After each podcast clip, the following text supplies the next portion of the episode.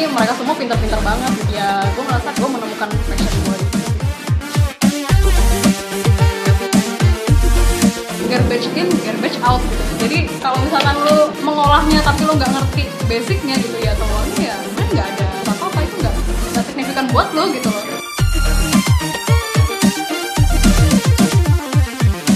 Orang-orang math tuh diajarin banget cara pikir yang sistematis dan ya seharusnya bener loh.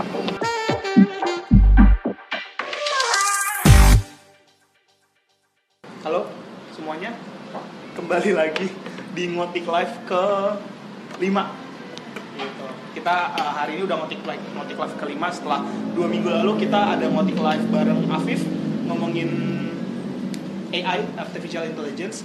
Ya semoga sih makin lama kita makin reguler lah ya gitu. Yang asik gitu. Kita lagi coba makin rapiin waktunya segala macam materinya. So hari ini kita udah kedatangan ada dua orang di sini spesial. Ada Oriza Kok digoyang-goyang sih? ya, jadi ini Oriza uh, pemateri kita, uh, pemateri, Pemateri ya. anjir ngomong, Eh, yang kawan ngobrol ya, kawan ngobrol kita yang bakal sharing banyak banget tentang bisnis analis, sama ada Azhar, Ah, Azhar say hello ya. Jadi kalau teman-teman inget, kalau teman-teman inget Azhar ini adalah salah satu yang waktu itu menang uh, some sort of quiz gitu ya kuis yang sayembara waktu kita adain tentang topik apa sih yang lo tuh pengen denger kalau kita di Motik Live. Azhar pilih bisnis analytics ya Azhar ya. Terus alasannya waktu itu oke banget di antara semuanya, jadi kita pilih Azhar. Sayang banget ada satu lagi yang nggak bisa datang, uh, tapi semoga dapat kesempatan buat ikut kegiatan selanjutnya ya. Shall we start? Let's start. Yuk mulai yuk. Oke. Oke, ini kameramen hari ini suka menggoyang-goyangkan jadi sabar ya.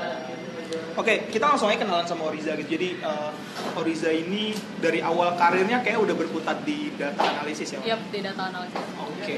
Dan sekarang berarti udah tahun kerja ke Gue udah empat tahun sih udah tahun. 4 tahun pengalaman kerja ya dari tahun 2014 ya. Iya. Uh, Oriza ini dulu lulusan matematika UI, uh, lulusnya tahun 2014 dan udah 4 tahun pengalaman kerja. 4 tahun pengalaman kerja itu banyak, tapi di satu di sisi lain Oriza juga masih cukup uh, relevan lah sama anak-anak yang sekarang lagi siap-siap Oh, buat iya. mau masuk kerja gitu ya. Gitu. Masih anak-anak jaksel gitu.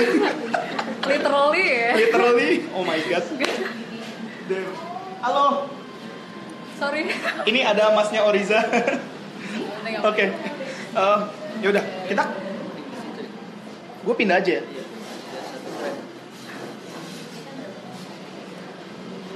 Ini perlu diberesin ya. Oke. Oke. Ini sini lagi ya.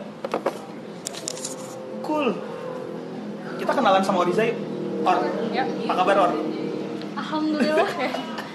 Baik, baik, baik, baik. Baik-baik ya. Ya Or, mau dong tolong dikenalin dirinya. Eh, Eh, Oriza tuh siapa? Oke, Sekarang ngapain? oke, House life. oke. Jadi eh, nama gue Riza. Dulu gue kuliah di Matematika UI. Angkatan 2010, lulusnya 4 tahun, lulus 2014, terus langsung kerja sih alhamdulillah. Eh, sekarang berarti 4 tahun kerja, hmm, udah di tiga perusahaan. Terus my day to day life, ya sekarang gue udah nikah, suami gue ada di belakang kayak kameramen. Diliatin gini ya. Eh, ya, ya, yang jelas gue sangat happy sih eh, dengan karir gue sekarang. Ya dari awal sampai sekarang gue emang happy sama kerjaan gue. happy sama kerjaan, happy sama karir lo, Ya. happy sama jalan yang sejauh ini lo pilih. Yep. Itu statement yang penting sih menurut gua. Ya, apalagi buat orang-orang yang lagi siapin Galau ya. diri, ya galau, mau Galau ngambil juga. karir apa gitu ya.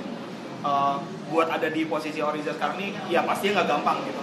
Jalan nyari jalan itu nggak, pasti melewati galau-galau juga ya ya sih? pasti, pasti, pasti, pasti. Eh, Pasti sih. jadi boleh nggak diceritain dikit galau-galaunya lu tuh kayak apa sih? Galau sih kayaknya dari zaman kuliah udah pasti galau sih. Karena ya kalau anak matematik UI kan pasti ada kayak peminatan-peminatan gitu kan yang ada aktuaris gitu, ada murni. Yang sekarang sih mungkin udah ada prodinya kayak statistik udah ada prodinya gitu. Hmm. Kalau dulu pas zaman gue kuliah nggak ada gitu. Pas zaman kita Oh, kuliah ya. iya. kita kita kita. kita kuliah tuh nggak ada gitu masih dibagi peminatan peminatan yang kadang masih sangat terpengaruh sama yang namanya senior terus sama teman-teman juga gitu. Terus misalkan di luar eh kayak di luar lagi hype apa gitu terus kita jadinya ikutan apa? Kayak sempet galau-galau situ juga sih. Ah, ada masa-masa pasti sih dari zaman kuliah itu pasti udah galau. Sampai akhirnya pas kerja coba yang di bidang data analisis gitu waktu itu spesifiknya di campaign analis sih. Eh, dari situ udah mulai udah cukup suka gitu sama kerjaannya gitu Itu di kerjaan pertama. kerjaan pertama dan itu jujur aja jujur aja lagi kenapa gue gitu ya? Itu di corporate jadi di financial industry. Gue di banking sih dulu awal-awal. Oh, kerjaan pertama di banking. kerjaan pertama tuh gue di banking setahun pertama. Jadi ngerasain lah cukup ngerasain gimana sih day to day kita kerja tuh sama ya agak birokratif dikit gitu. Meskipun swasta gitu tapi tetap sih masih berasa. Nah dari setahun itu gue switch ke tech company yang udah cukup mature lah ya OLX yang dulunya toko bagus gitu. Di situ gue nggak lagi galau sih. Gue kayak udah memastikan gitu loh di situ. Oh, karena gue ngeliatnya orang-orang di situ keren-keren banget gitu. Kayak masuk ke tech company tuh gila ini mereka semua pintar-pintar banget gitu. Dan ya gue ngerasa kayak gue menemukan passion gue di situ sih. Jadi galaunya kayaknya udah hantam. Galaunya tuh nggak terlalu lama ya. Jadi emang ketemu orang-orang yang tepat di waktu yang iya tepat. iya iya. Gue ngerasa itu sih. Tapi eh, kalau mau balik sedikit nih, lo kuliah di matematika, lo lo tuh emang udah dari kecil suka sama matematika atau gimana sih? Ada experience tertentu nggak sih? Kayak kalau gue sendiri nulisnya nih ya, love hate relationship sama matematika. iya sih love hate jujur aja Iya pas sih, love hate. iya, iya, pasti sih gue gue mengakui itu entahlah yang lain ya tapi kalau ngomongin dari sekolah misalkan dari SD gitu sampai SMA ya gue sih suka matematika cuman ya akhirnya gue gue akhirnya memutuskan kuliah matematika pun karena dari sekolah tuh gue suka banget matematika gitu. Nah tapi ya kayaknya mayoritas anak anak-anak yang jurusan math juga merasakan ini sih. Apa yang dia lihat di kuliahan tuh ternyata beda banget sama yang selama ini diarahkan betul? Betul. betul ya? Ini yang lagi kuliah sekarang yang lagi ngerasain. ngerasain juga kan? Nah tapi ya tadi terjadi sih love hate relationship. Me- meskipun apa ya sebenarnya mata kuliah tuh seru sih sebenarnya kalau diikutin gitu yang menurut gue pribadi love hate nya itulah hate nya ketika gue kayak nggak ada waktu buat diri gue sendiri gitu karena gue harus penuh dengan asistensi kalau nggak asistensi gue nggak bisa bro Asistensi itu apa? asistensi itu adalah tambahan jam belajar bersama asisten dosen yang di situ juga ada Les. Enggak ya? Enggak lah ya. enggak lah Enggak ya beda sih. Sekarang namanya responsi. responsi ya responsi asistensi gitu yang di situ ada tugasnya juga ada nilainya juga gitu dan menurut gue itu memang cukup membantu gitu kalau enggak gue kayaknya nggak bakal lulus deh Hmm. Oke. Em, jadi emang ya berarti ini tipenya orang dari awal tuh emang suka udah matem, emang udah suka matematika dan terus ya gitu. Apanya sih dari matematika? Apanya sih dari belajar matematika yang lo yang jelas kayaknya solving problem itu kayaknya seru solving problem tapi dengan cara yang apa ya sistematis gitu Problem solving gitu. dengan cara sistematis. iya kan kalau dulu nih ya kalau sekolah kan kita dikasih soal tuh Iya. memecahkan soal itu akhirnya ketemu jawaban itu kan ya kayaknya menurut gue sih seru gitu Ah. karena caranya sistematis gitu nah akhirnya pas kuliah eh, menyelesaikan masalah juga tapi secara umum kan karena Iya, kita iya. belajar teorinya gitu teorinya kenapa teorinya harus begini terus kita ngebuktiin sesuatu tuh gimana sih caranya sampai akhirnya kebukti atau nggak kebukti Wow. Gue minum ya minum ya Oke, minum dulu. Azhar, silakan minum. Iya. Teman-teman, silakan minum di tempat masing-masing. Eh, ya, oke, berarti ya kayak gitu lah ya sama matematika ya. Emang beda ngobrol sama Afif juga beda, sama Reza juga sebelumnya beda, emang macam-macam orangnya. Em, jadi kalian di mana pun kondisi teman-teman sekarang nih suka dukanya sama matematika, suka banget, benci banget atau apa pun, jangan jadi itu langsung patokan ya sebenarnya buat ah gue akan ngambil karir di matematika atau ah gue nggak bakal ngambil karir di matematika gitu karena well orang macam-macam gitu. Jalannya macem-macem sih. Jalannya Tapi macem-macem. menurut gue kayak emang pada dasarnya kita harus nyelesain apa yang kita mulai gitu. Ya. Ah that's a good point. Jadi gue mulai gue mulai masuk gue mulai suka matematika gue mulai masuk jurusan matematika. Ya di tengah-tengah gue sempet desperate sih ketika gue nggak lulus analisis gitu ya. Terus ya tapi gue masih punya teman-teman punya asdos yang mau ngebantu gitu ya udah gue harus nyelesain apa yang gue mulai menyelesaikan apa yang lo udah mulai itu namanya komit komitmen komitmen wise sekali Oriza ini. Iya ya. Empat tahun kerja membuat gue super dewasa sih. Proclaim. Proclaim, self proclaim, super dewasa. Nah, ya udah berarti itu pertualangan lu sama matematika dan um, akhirnya lu nyemplung nggak bukan nyemplung sih ya, lu memilih untuk berada di dunia bisnis analytics, di dunia data analisis, di Iya. dunia big data. Apa sih? Apa sih itu banyak banget, banyak banget Banyak namanya. banget istilah itu. Iya, istilah itu buzzwordnya tuh banyak banget. Jadi sebenarnya apa sih itu or? Tolong cerahkan kami. Oke. Jadi jadi bisnis analytics itu sebenarnya kayaknya bukan hal baru sih. Menurut gue pribadi bukan hal baru karena dari dulu industri itu pasti punya namanya bisnis analytics. Cuman caranya mungkin yang beda. Caranya. Caranya. Jadi pada dasarnya bisnis analytics itu kayak menjawab pertanyaan-pertanyaan bisnis tapi menggunakan data. Menjawab pertanyaan bisnis dengan menggunakan data. Betul. Menurut gue pribadi itu dasarnya gitu. Yang dari dulu sebenarnya ada mungkin, cuman kalau ngomongin data ya akhirnya nyambung ke data gitu. Hmm. Yang sekarang ya apa-apa lu ini aja lagi megang HP ya. Datanya nih pasti udah ke-record banyak banget gitu. Nah, kalau ngomongin kayak daily life orang juga berubah, data juga yang ke-record udah pasti berubah, makin gede, makin variatif gitu. Ya otomatis menyelesaikan menyelesaikan atau menjawab pertanyaan bisnisnya jadi makin kompleks yang akhirnya bisnis anal- analytics atau data scientist, data analis atau apa pun itu jadi ngehits banget sekarang. Mungkin itu sih bedanya, eh, bukan beda ya kayak secara umum tuh bisnis analytics kayak gitu. Terus apa? Jadi jadi ya gitu ya maksudnya uh, banyak banyak orang yang mengira atau berasumsi bahwa dunia bisnis analitik ini baru baru ada Ya. sekarang Iya, gitu. iya. baru ada sekarang ketika banyak tech company perusahaan-perusahaan teknologi yang punya banyak data buat dianalisis. Betul. Well sebenarnya itu udah ada dari dulu gitu karena dari dulu semua bisnis, semua perusahaan atau apa pun itu mereka sebenarnya punya data gitu ya. Pasti punya data. Pasti punya data Tapi, yang hmm. pasti juga diolah Ya pasti, pasti diolah juga kan dan uh, bedanya adalah sekarang uh, itu menjadi gede karena ada cara-cara baru yang Yang sesuai dengan data yang makin kompleks juga. yang sesuai dengan data yang makin kompleks juga Yes. Jadi mungkin dulu data ada, diolah, tapi mungkin baru sebatas reporting. Hmm. Karena orang ngejalanin bisnis juga masih secara konvensional ya. gimana sih yang dibilang konvensional tuh gimana konvensional tuh ya Excel mungkin lebih ke tools ya, tools yang konvensional gitu. Tapi apa ya? Kalau ngomongin orang marketing deh, marketing tuh kalau sekarang bisa dibagi dua gitu. Orang yang konvensional zaman dulu sama yang sekarang gitu.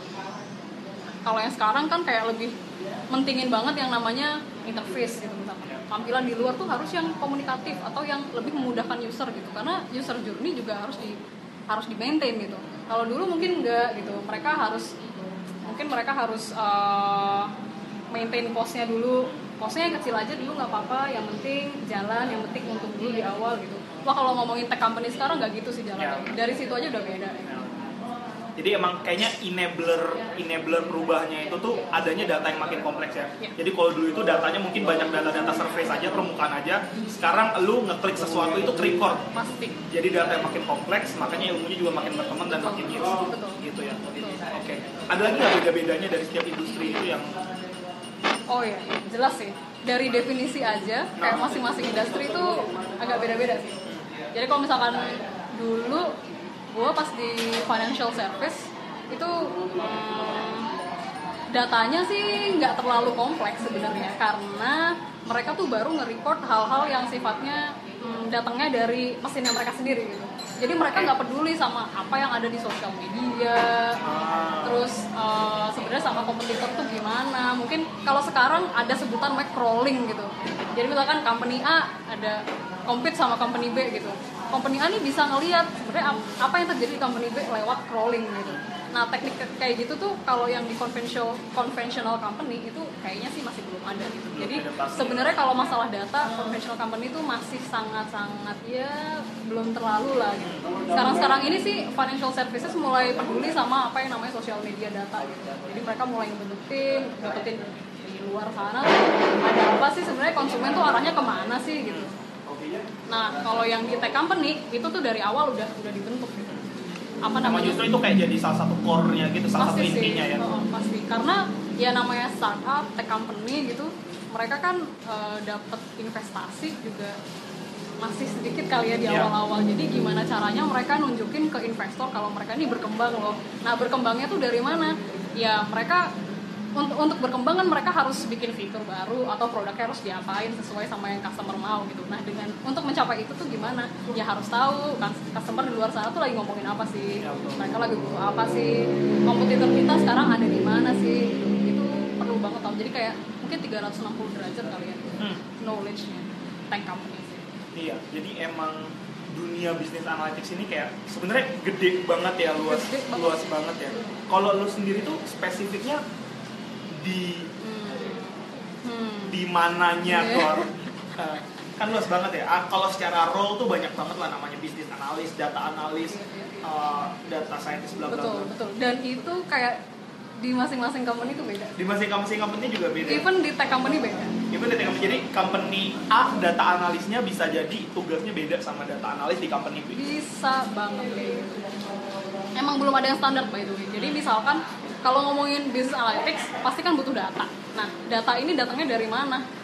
Datangnya datangnya bisa dari tadi misalkan crawling atau datang dari emang aplikasi di track kan orang ngeklik ini ngeklik itu gitu itu di track juga ada yang misalkan data transaksi gitu nah gimana caranya data ini masuk pasti butuh namanya data engineer gitu misalkan nah tapi kadang ada beberapa perusahaan yang nggak nyebutin nih data engineer tuh nggak disebutin gitu. jadi misalkan role ini dipegang sama data analis juga gitu jadi kayak definisinya masih beda-beda nah oke dari data engineer terus nanti ada lagi mungkin business intelligence kayak kemarin ada yang nanya juga tentang business intelligence Iya, ya benar. terus nanti ada dari business intelligence ada data analis ada data scientist ada business analis dan itu masing-masing company pasti beda Tapi kalau ini buat wawasan juga, ya, tapi berarti uh, secara umum itu flow data di bisnis itu satu di pertama ada di data engineer. Data engineer Orang-orang-. Orang-orang yang ngebangun struktur datanya ya. betul Orang-orang yang ngebangun struktur Eh, datanya. istilahnya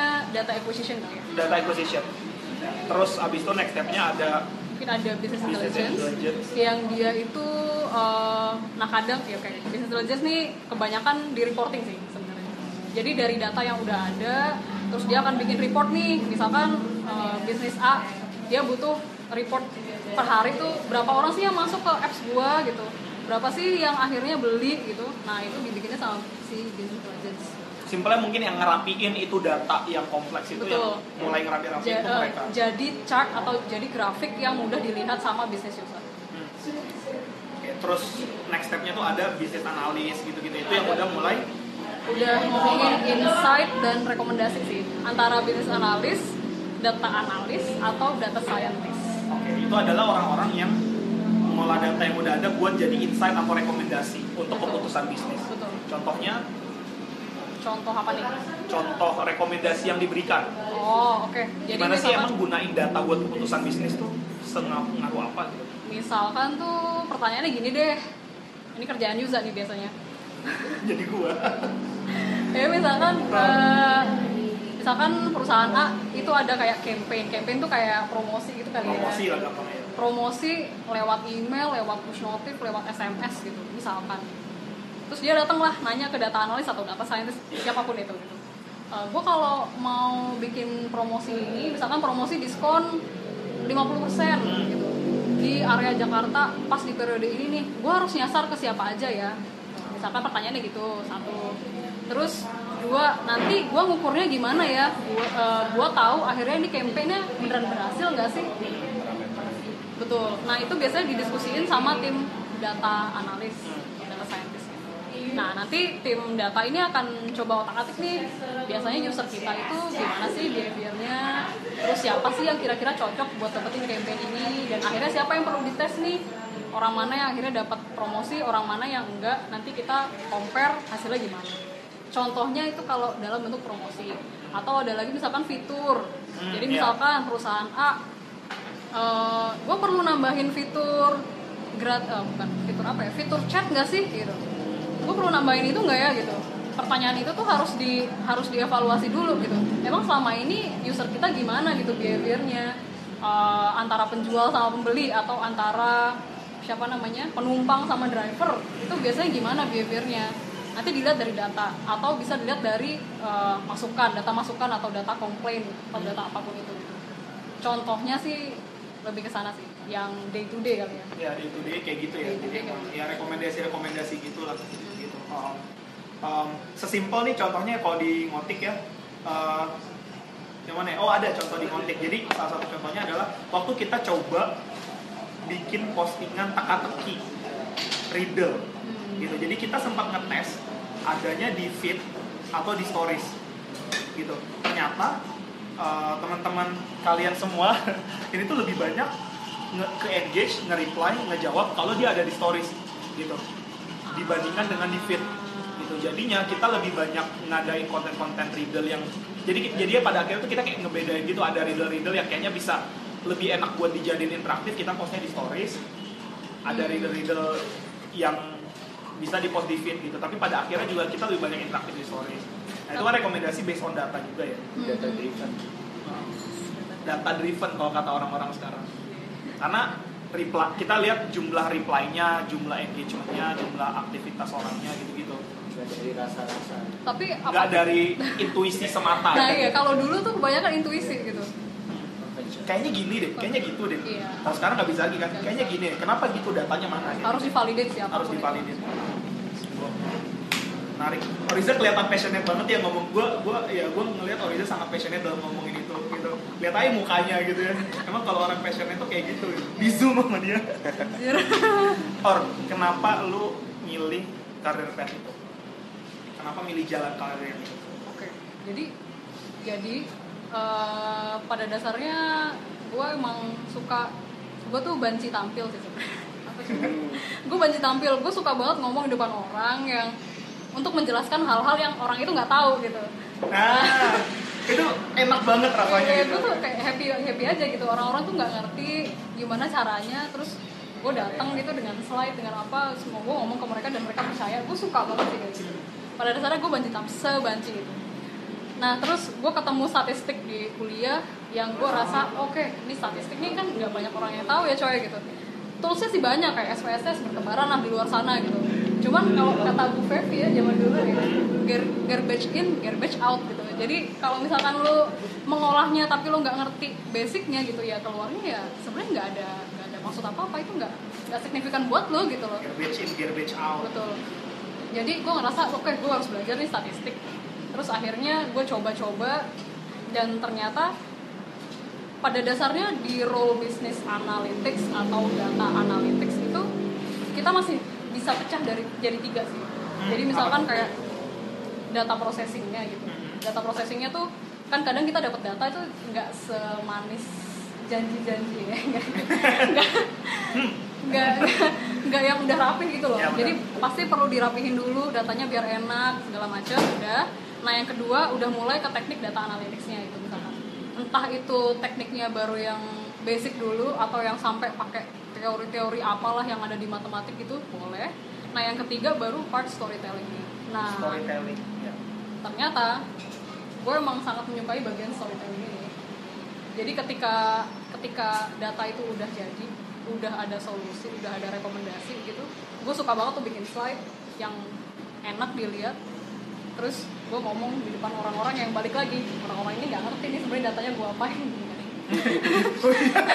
Bisa kayak gitu ya? Kayak nggak boleh nggak boleh. Nggak boleh nggak boleh. Jadi kayak mereka kan selalu bertanya-tanya oke ini mendingan bisnis gue diarahin ke A atau ke B ya gitu. Gue butuh data buat itu gitu. Ya udah gue bantu lah olah datanya. Gue kasih tahu ini harusnya lo ke sini gitu. dan didengar itu gue suka banget sih. yang jelas kayaknya karena gue happy di situ sih. Ah iya iya. Jadi emang karena lu happy di part itu dan ternyata ada part of business analytics yang bagian data storytelling Ya. buat uh, nyampein data-data yang sudah diolah gitu. Ya, ya. tanpa melupakan lu juga ngolah datanya dong Oh, pasti. iya karena dong. biar lu bisa storytelling dengan oke Iya, gue harus ngerti banget lu kan. harus ngerti banget data datanya. Dan untuk melakukan itu mostly emang harus lu yang ngolah datanya sendiri at least. Minimal lu take part. Minimal ya minimal take part dalam uh, proses pengolahannya. Iya. Wow keren juga ya. Azhar ada yang mau ditanya nggak Azhar? Hmm, berarti orang yang suka matematika dia harus jago public speaking juga ya karena Ah, hmm. salah satu bagian dari Karena sih orang matematik gitu ya. Eh, sebenarnya sih ya menurut gue pribadi sih nggak harus. Kalau tapi kalau lu mau jadi kayak gue iya. Iya. Nggak nggak nggak. Karena tadi gue jembrengin kan ya. Uh, sebenarnya kalau business analytics tuh ya partnya banyak gitu.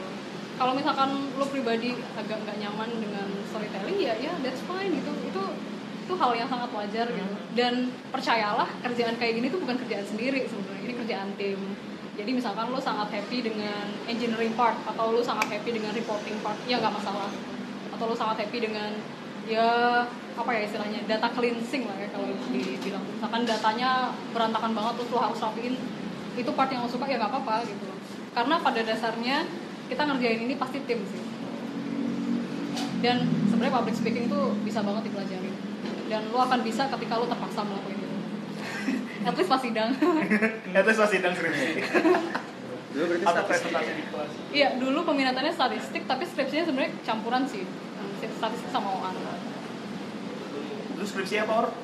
Gua penaksiran parameter regresi kuantil Ya. Oke.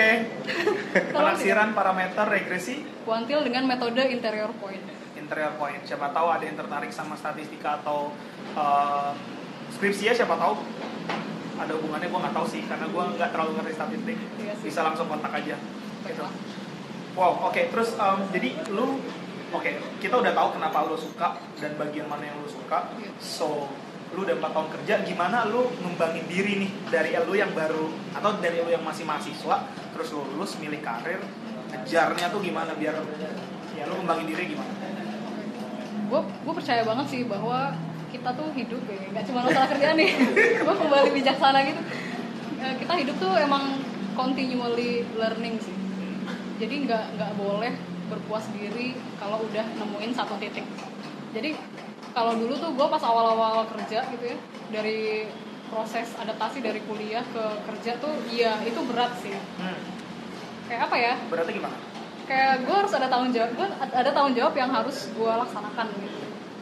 Dan gue kayak punya atasan dan performance gue dinilai kayak hal-hal kayak gitu sih. Gue harus disiplin. Jadi misalkan dulu kalau kuliah kan ada jatah bolos 20% tuh kalau kerja tuh ya nggak bisa coy gitu. Hal-hal kayak gitu sih awalnya ya Awalnya. adaptasi dari kuliah ke kerja. Terus abis itu gue ngerasa kayak gue digembleng banget atau limit gue kayak di tarik Stretch. banget di stretch banget gitu. Itu pas di OLX sih. Karena gue yang dari perusahaan yang yang corporate terus gue ke tech company tech company yang ternyata kayak dari segi tools bisnis orang-orangnya itu beda banget sama corporate gitu. Eh, dan di situ ya yang mau nggak mau gue harus harus belajar sih. Gue ngerasa kayak minder aja awalnya sih. Gue minder gitu anjir gue siapa gitu. Terus yang lain udah pada hebat hebat gitu kan. Terus ya udah gue harus harus stretch limit gue gue banyakin ngobrol mungkin mentoring kali ya Mentoring. dulu tuh gue salah banget karena gue gak ada mentor. Gitu dari zaman kuliah ke kerjaan pertama gue gak ada mentor. Akhirnya yang di kantor kedua tuh gue nemuin banyak orang yang gue bisa pelajarin dari mereka gitu. Dan mereka sangat-sangat welcome. Enaknya di tech company gitu sih. Plusnya tuh orang-orang yang kebanyakan sangat-sangat welcome untuk ditanyain gitu. Kayaknya gue makin intens mentoring di situ. Intens mentoring satu. Terus banyak beraniin diri buat maju atau ngasih ide gitu. Karena pas di kuliah gue ngerasa kuliah kayaknya nggak terlalu dieksplor sih. Ya at least zaman ya. zaman gue ya gue nggak tahu kalau sekarang gitu. Jadi pas di situ tuh gue coba beraniin diri lah kalau misalkan gue ada pendapat gue harus ngomong gitu. Terus mungkin kalau itu mungkin kebanyakan soft skill kan kalau Iya. yang gue tadi omongin ya tapi hard skillnya gue juga imbangin sih gue harus banyak belajar di online course at least Online course. Online. Banyak ya yang gratis-gratis. Eh banyak banget Banyak sih, banget. banyak banget. Jangan intinya sih jangan males sih. Gue dulu pas kuliah cukup males sih sebenarnya. Sama. Nyesel. Terus gue baru belajar pas kerja deh ya. aja gini. Saya. gitu sih. Jadi harus diimbangin Ehm, antara si hard skill sama soft skill. Mungkin soft skillnya by ya latihan sih. Kayak tadi mungkin kayak public speaking itu beneran deh. Itu karena latihan aja sih bisa kayak. Tapi hard skillnya juga harus dilatih dengan online course yang sekarang banyak banget yang gratis. Apa aja hard skill yang diperluin buat jadi buat bukan buat jadi buat ya yang lu pelajarin itu apa aja sih hard skillnya? sebenarnya tergantung sih kalau ngomongin kalau fresh grade ya jujur aja kalau fresh grade tuh sebenarnya kalau di kalau lagi interview yang interview tuh nggak expect apa-apa kayak lu jago oke gue jago banget pakai Python gue jago udah bisa pakai Hadoop Spark segala macam. Enggak sih kita nggak kayak gitu sih sebenarnya. Kalau buat fresh grad ya sampai kalau fresh grad tuh lebih ditanya oke kamu oke mungkin ditanya basicnya kamu basicnya udah bisa apa? Gitu. Ya at least kalau anak math udah diajarin Python R udah SPSS SQL tuh nggak masuk ya? Belum. Oke mungkin nanti SQL dapat ya sih? Enggak dulu ada kok di pelajaran database. data ya? Nah cuma Cuman mostly teori. Well, tapi online course super banyak gitu, jadi nggak jadi alasan lah kalau nggak dapet di kuliah gitu. At least ditanyain mungkin basicnya, kalian ada basic apa gitu. Tapi yang jauh lebih penting itu adalah apa ya, drive, inisiatif. Kayak lu orang yang kayak terpaus gitu. Iya, jadi kayak sorry sorry. Ada yang datang Sorry, sorry. presiden masalah. Jadi apa namanya? Gue lupa jadinya. Oh ya, jadinya kita lebih sebenarnya kalau fresh grad yang lebih dilihat itu adalah lo orang yang mau belajar apa enggak, lo attitude-nya gimana, lebih kayak gitu sih. Kalau hard skill, seriously itu kayak ditanya buat basic doang lah. Buat basic. Tapi apa tuh basic? Siapa tahu ada yang mau belajar belajar dulu curi-curi. Yang jelas kalau data SQL, SQL. dulu lah, Ya. SQL dulu, Python R iya. Kayaknya itu dulu Tapi sih. yang wajib banget tuh kayaknya SQL buat SQL pertama kali. wajib sih, menurut gue wajib. Dan gue baru belajar itu di OLX. Lu baru belajar di OLX gue baru belajar di OLX. sama. Karena eh enggak deh, di kuliah di kuliah gue gue nggak ngambil mata kuliah itu gitu Oh. Oke. jadi itu gue beralasan juga sih gue nggak dapet dulu gitu. Dia nggak ngambil padahal. Oke ya, tapi bener sih kata kayak semua orang tuh bilang ya minimal apalagi kalau kerja di tech company ya, lu sebenarnya role-nya apa pun nih. Iya, oh, at least kalau di kantor gue ya, di kantor gue tuh gitu. ya kan gitu Uh, uh, lu role-nya apa pun, marketing kayak apa kayak gitu ya, at least SQL lu tahu basic lah. Kalau- Excel VLOOKUP Ya, Wah, Excel. Excel, iya Ya, sih, gue lupa. Excel. Iya, Excel Nah, tuh itu wajib sih. satu. Excel kayaknya wajib. Gue dulu terlalu bodoh sama Excel. kan di kita nggak nggak sama sekali ada ya di matematika UI ya Nggak, nggak ada, nggak ada. Makanya online course. online course gitu jadi ya udah uh, gak usah ngarep ngarep banget dari kampus beruntung lah kalau kampusnya ada atau punya mentor tapi uh, kalau mau coba curi start buat belajar yang skill ya at least Excel sama SQL SQL.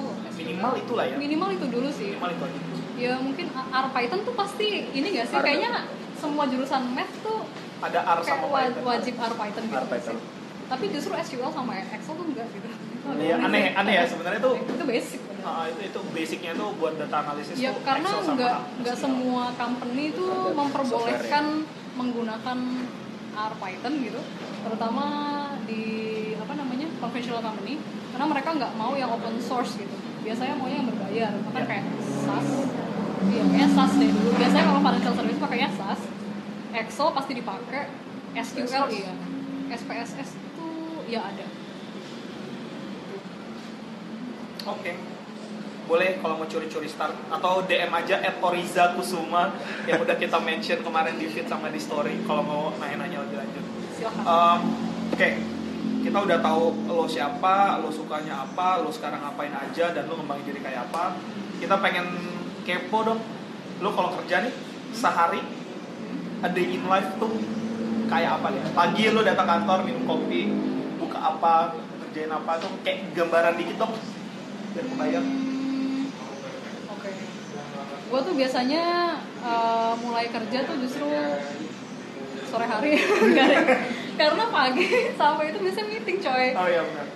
Di tahap ini ya, di tahap tahun keempat ini justru emang kebanyakan meeting. Kalau mungkin di awal-awal ya enggak lah gitu. Mungkin di awal-awal kerja tuh ya pagi bahkan nggak dari pagi sih harusnya dari kemarin sorenya gitu atau kemarin malamnya lo harus catat apa aja yang lo harus lakuin besok kalau gue sih gitu terus ya kalau sekarang kayak kebanyakan meeting kebanyakan meeting tapi kalau ya udah anggaplah anak baru gitu. Iya. data analis bisnis analis. Oh. tuh ngapain aja dirinya? Waktu lu awal-awal deh di OLX dulu misalnya. Di OLX itu oh kalau gua dulu ngebagi waktu gua. Ah iya jadi berapa persen ya? Atau mungkin se- sejam kali ya? Sejam gua pakai buat bener-bener belajar. Ya tadi online course. Karena gua ngejar ngejar ketertinggalan gua gitu di kampus. Gua males terus belum belajar belajar banyak gitu saya di OLX gua mau nggak mau harus belajar dari online course itu yang tiap hari gue spare kira-kira sejam lah.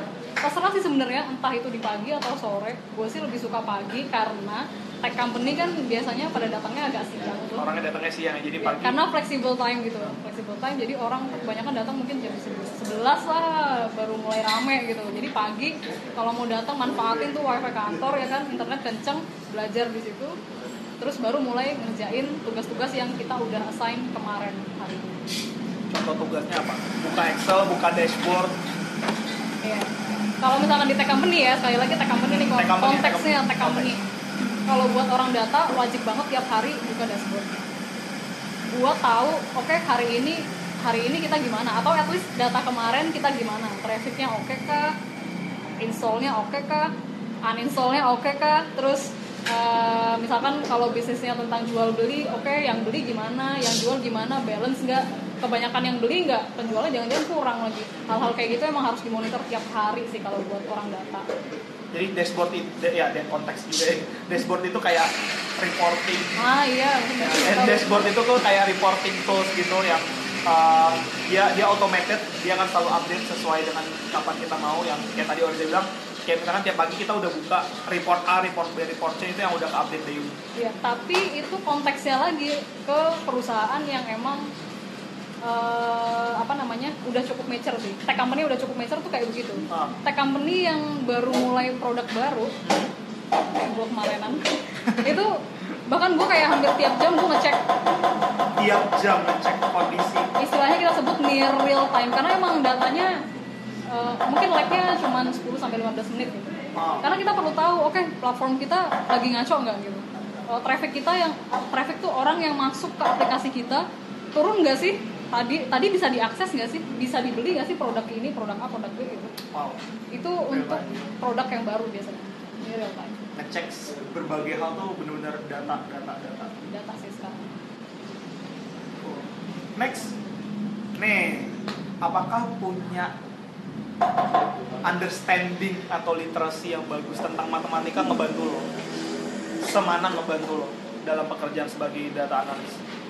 Eh, jujur aja gue sebenarnya kayak nggak mungkin dulu gue ngerti ya math secara detail gitu teori apa bilang apa ini segala macam tapi yang gue tangkep tuh adalah yang diajarin di math itu adalah pola pikir gitu yang pertama pola pikir yang Coy, pola pikir yang ngaruh banget ke kerjaan gue sekarang itulah yang ngebedain uh, kenapa data analis tuh uh, orang sangat prefer orang math gitu bukan jurusan yang lain yang gue gak akan sebut jurusan apa gitu tapi at least karena orang-orang math tuh diajarin banget cara berpikir yang sistematis dan ya seharusnya bener loh ya seharusnya benar. seharusnya bener Dan at least kayak terbiasa lihat angka lah ya. Nggak, nggak, nggak takut sama angka ya nggak sih? nggak takut sama Iya, kita di kayak- math nggak pernah ngeliat angka Ngeliat sih, nggak tapi kayak ada ada orang yang lihat angkanya udah mager gitu loh. Nggak sih? Ah, iya sih, Kayak ya. udah takut duluan, Iya, udah udah parno duluan.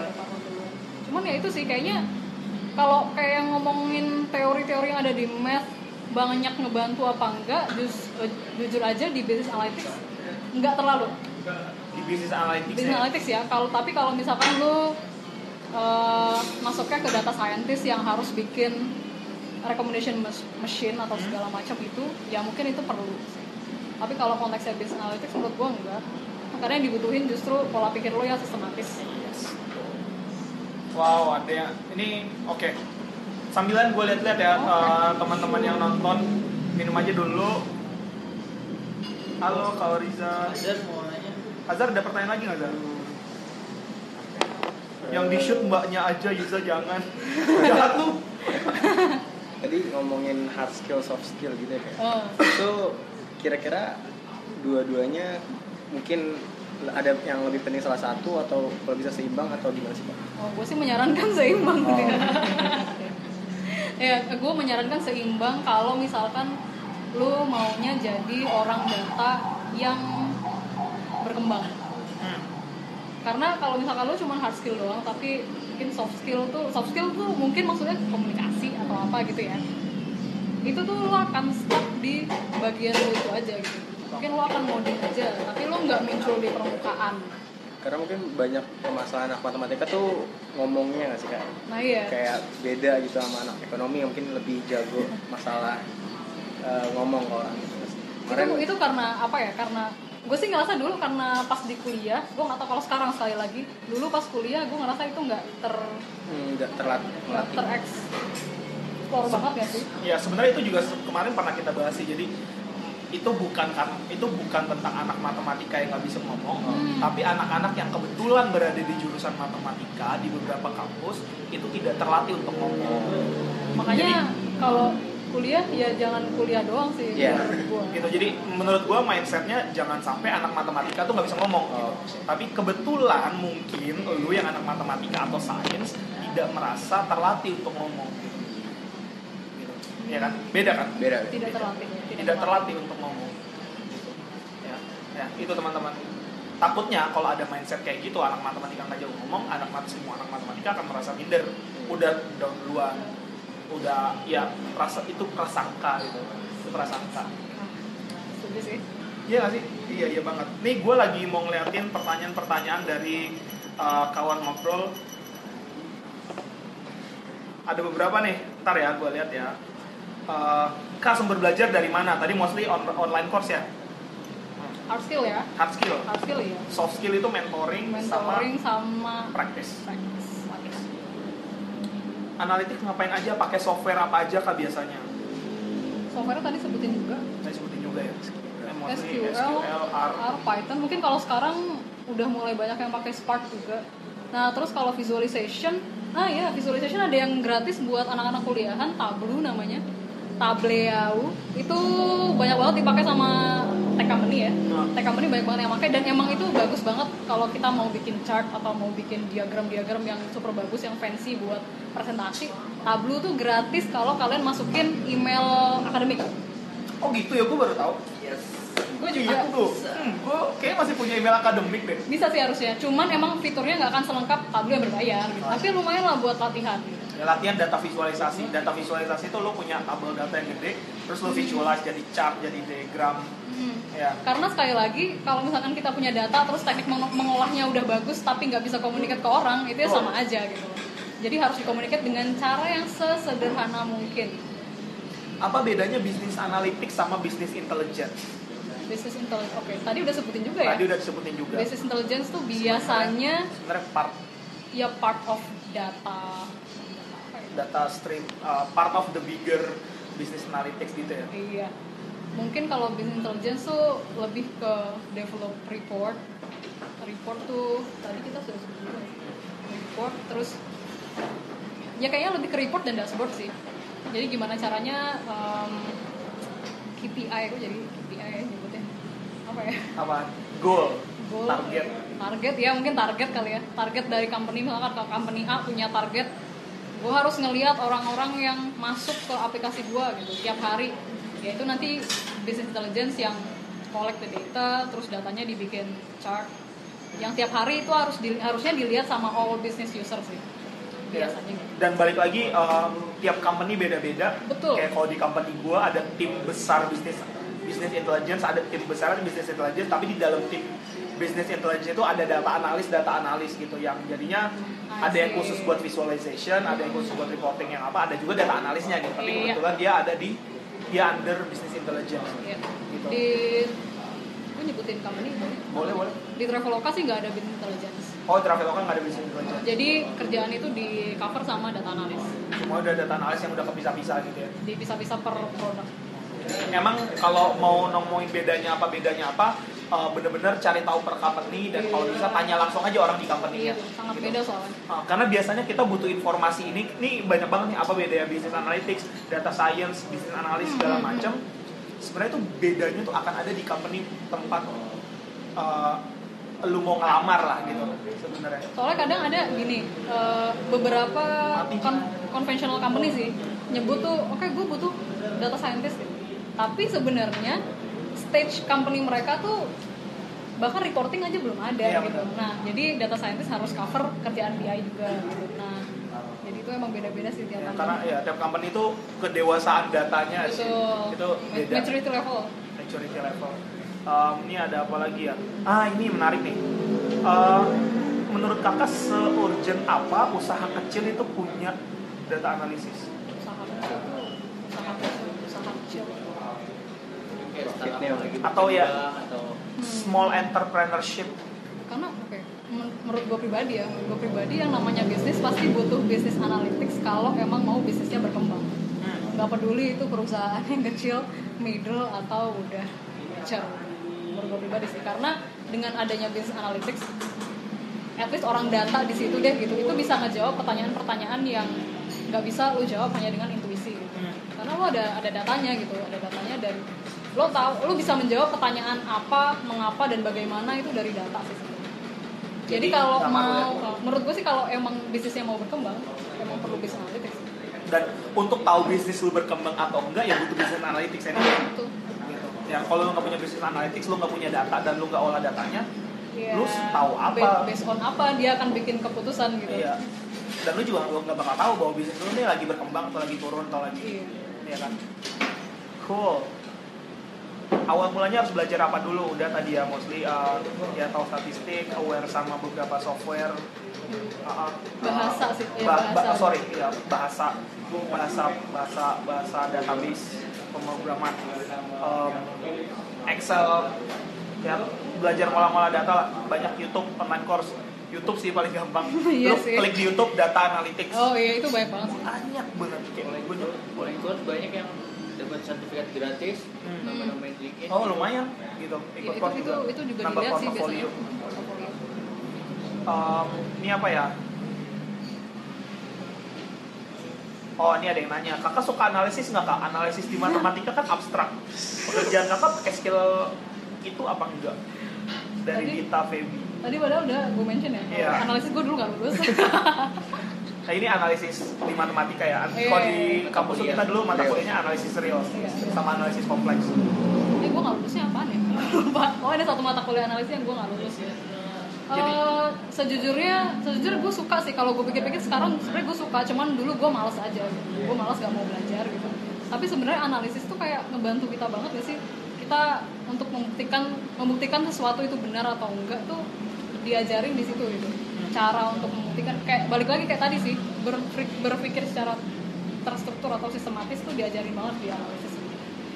Eh, sebenarnya nggak terlalu bu- bukannya nggak dipakai teori-teorinya sih emang nggak dipakai Ya. kalau di dunia business analytics gitu tapi kayak tolong lihat secara keseluruhan gitu bahwa analisis apa pun itu tuh ngajarin kita untuk berpikir terstruktur dan sistematis dan itu penting banget buat problem solving atau untuk menjawab pertanyaan bisnis berdasarkan data itu. Software, proses, ini sama kebutuhan analitik buat usaha kecil. Wah, kayaknya banyak teman-teman yang mau mulai komunitas atau usaha kecil tuh udah mulai aware ya kayaknya udah gue butuh data nggak sih gue butuh data nggak sih which bagus kan harusnya iya kesadaran karena terhadap Uh, kalau emang udah mau mulai mulai aja dari data sesederhana apa pun yang dipunyain Mhm. right? Mulai aja dari data sesederhana, sesederhana apa pun. Sesederhana transaksi yang terjadi di lo Iya. berapa. Karena nanti pasti akan berkembang gitu pertanyaannya. Misalkan eh, sekarang cuma punya data transaksi nih gitu. Besokannya terus yang transaksi di gua orang yang baru masuk apa yang orang yang udah udah pernah beli ya dulunya gitu. Itu kan pasti butuh lagi datanya yang lain. Itu pasti berkembang sih. Tapi at least ya aware akan data itu penting banget. Uh, dari gue satu lagi terakhir karena kita ingin melihat masa depan sih kita pengen jadi cenayang Uh, menurut lo dunia bisnis analytics ini ke depannya beberapa tahun yang akan datang kayak apa? gue ngerasa sekarang aja kondisinya hmm, demand atau permintaan dari perusahaan-perusahaan baik itu startup, middle atau udah mature itu itu gede banget gitu akan Justru makin besar. akan orang-orang data analytics kayaknya tadi gue bilang gitu yang punya data kompleks tuh baru uh, tech company gitu sebenarnya. Conventional company tuh mereka datanya emang belum terlalu kompleks. Dan mereka kalau mau berkembang misalkan kalau kita ngomongin dunia financial nih financial services yang konvensional sama yang fintech deh gitu. Udah kelihatan banget kan fintech udah nawarin apa aja. Misalkan cardless credit atau Fintech tuh kayak Genius, Genius, Itu masih- Kredivo, Kredivo, ya. aku lah aku tunaiku ah banyak banget lah Banyak gitu. banget. Mereka yang nawarin apa namanya pinjaman lah kredit lah terus apa lagi? Eh, investasi lah kayak gitu gitu kan. Nah financial services yang udah cukup mature yang bisnisnya agak konvensional mereka udah mulai kelabakan nih. Jadi mereka mereka butuh lah untuk ngembangin oke datanya ditambahin mungkin ngambil dari social media atau ya pengolahan datanya atau hmm, problem solving based on data nih harus ditambahin dengan teknik-teknik yang uh, cukup advance gitu. Nah makanya butuh orang yang emang suka data, suka mengolah data dan suka menyelesaikan masalah dengan data. Menurut gue dari situ dari sekarang aja itu permintaannya luar biasa, tapi supply-nya masih sangat kecil.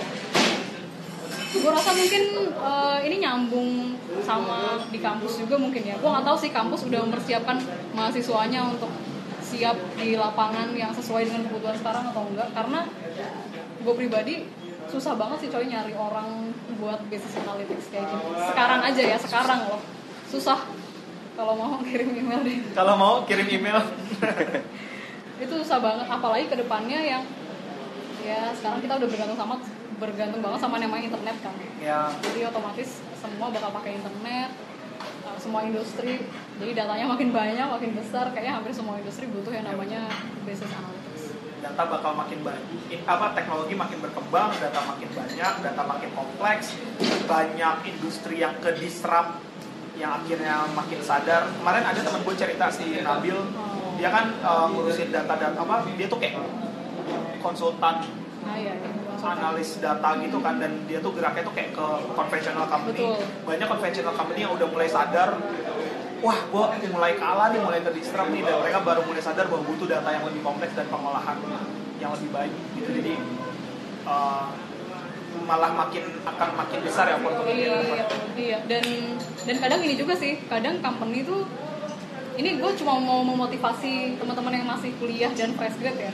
Kadang company tuh juga atau anak SMA ya boleh juga sih. Kadang company tuh juga pengennya dapat orang yang yang at least dia udah ada basic gitu. Jadi mumpung belum telat kayak gua dulu gitu. Dulu gua gua ngeliatnya gua telat sih. Telat Karena- lagi ini. diulang.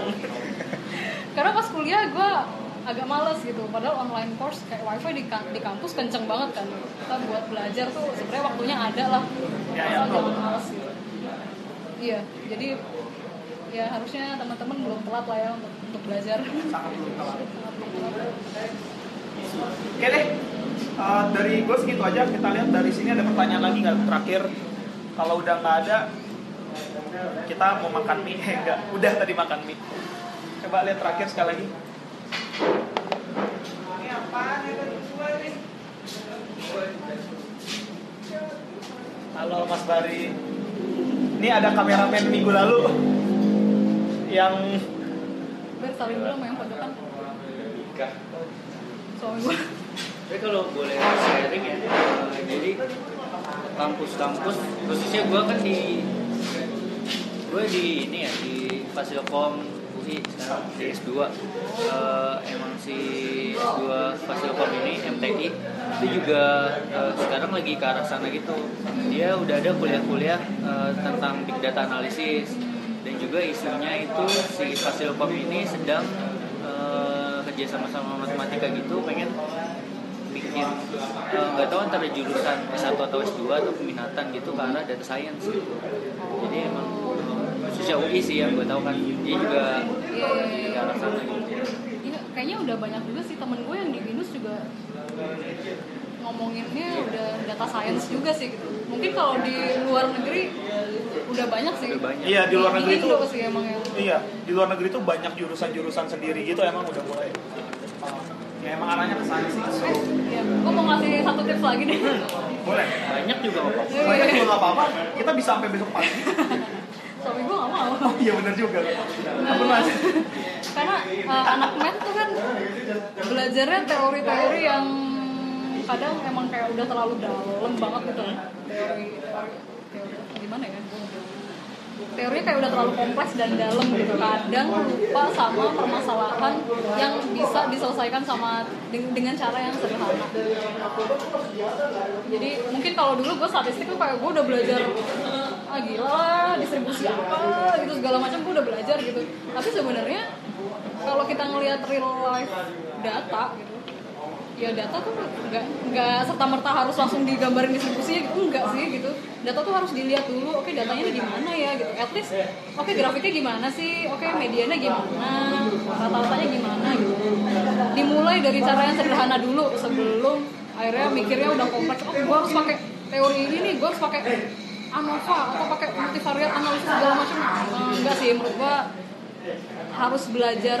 Karena gue ngerasain juga dulu pas awal-awal gue kerja tuh gue udah mikirin oke gue harus pakai teorema ini teorema ini gitu. terus pas dilihat-lihat enggak juga sih coy ini bisa dengan cara yang ya simple lah gitu gambarin grafiknya dulu oke oh jadi ketemu Jadi se- sederhana kita pakai deskriptif aja dulu. deskriptif dulu sih emang Rata-rata media. Kayak karena eh, karena kadang tuh orang udah masuk ke inference kan Ya, ya. Anak statistik nih Ya. jadi mulai dari yang sederhana sih kadang anak math anak math lupa sama ya itu itu gue juga pernah dibilang oh itu juga pernah cerita kayak gitu sih dan. Ya untung lo ngomong lagi hari ini. Eh, ada lagi? Udah Dan ini bisa jadi insight sih eh, buat Azhar kan jadi mahasiswa ya. Mahasiswa jadi bisa mungkin kalau misalnya kampus tidak belum menyediakan eh, fasilitas itu misalnya tadi belajar skill segala macam dari internet eh, bisa aja mahasiswa sendiri yang ngumpul gitu kan bikin kegiatan bareng gitu belajar itu atau ya follow motik Yes. follow ngobrol sama teman. Kalian ngebahas itu juga Hah? ya pelan pelan ini kan sekarang ngebahas Iya. gimana sih Oke. ya udah berarti kalau udah kita bisa tutup ya oke Thank you teman-teman udah join ke Motik Live hari ini Sabtu 15 September jam 3 sampai jam 4 Sorry tadi kayak kita mulai agak telat ya So uh, yaudah um, Thank you buat yang udah join Thank you juga udah nanya-nanya Buat sesi kali ini banyak banget sih pertanyaan yang masuk gitu Dan nih, nih ngapain sih kok kamera makin lama makin deket Oh gitu ya.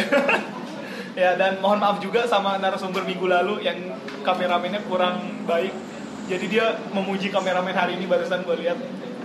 But thank you for watching. Um, stay tune di ngobrol matematika kita masih banyak lagi tema-tema lain yang mau kita bahas. Terakhir dari tiga tema yang kita lempar Business Analytics, Artificial Intelligence, kita masih punya satu tema lagi buat pendidikan matematika. Ya. Jadi kapan kita bahas, terus follow, ajak teman-teman lo follow, dan jangan lupa komen dan subscribe. Enggak, ini jokes, ini jokes minggu lalu, ini jokes minggu lalu yang gue ulang lagi. Ya udah, kita kita bukan YouTube jadi kita nggak bisa subscribe. Um, lanjutannya ya. Dah.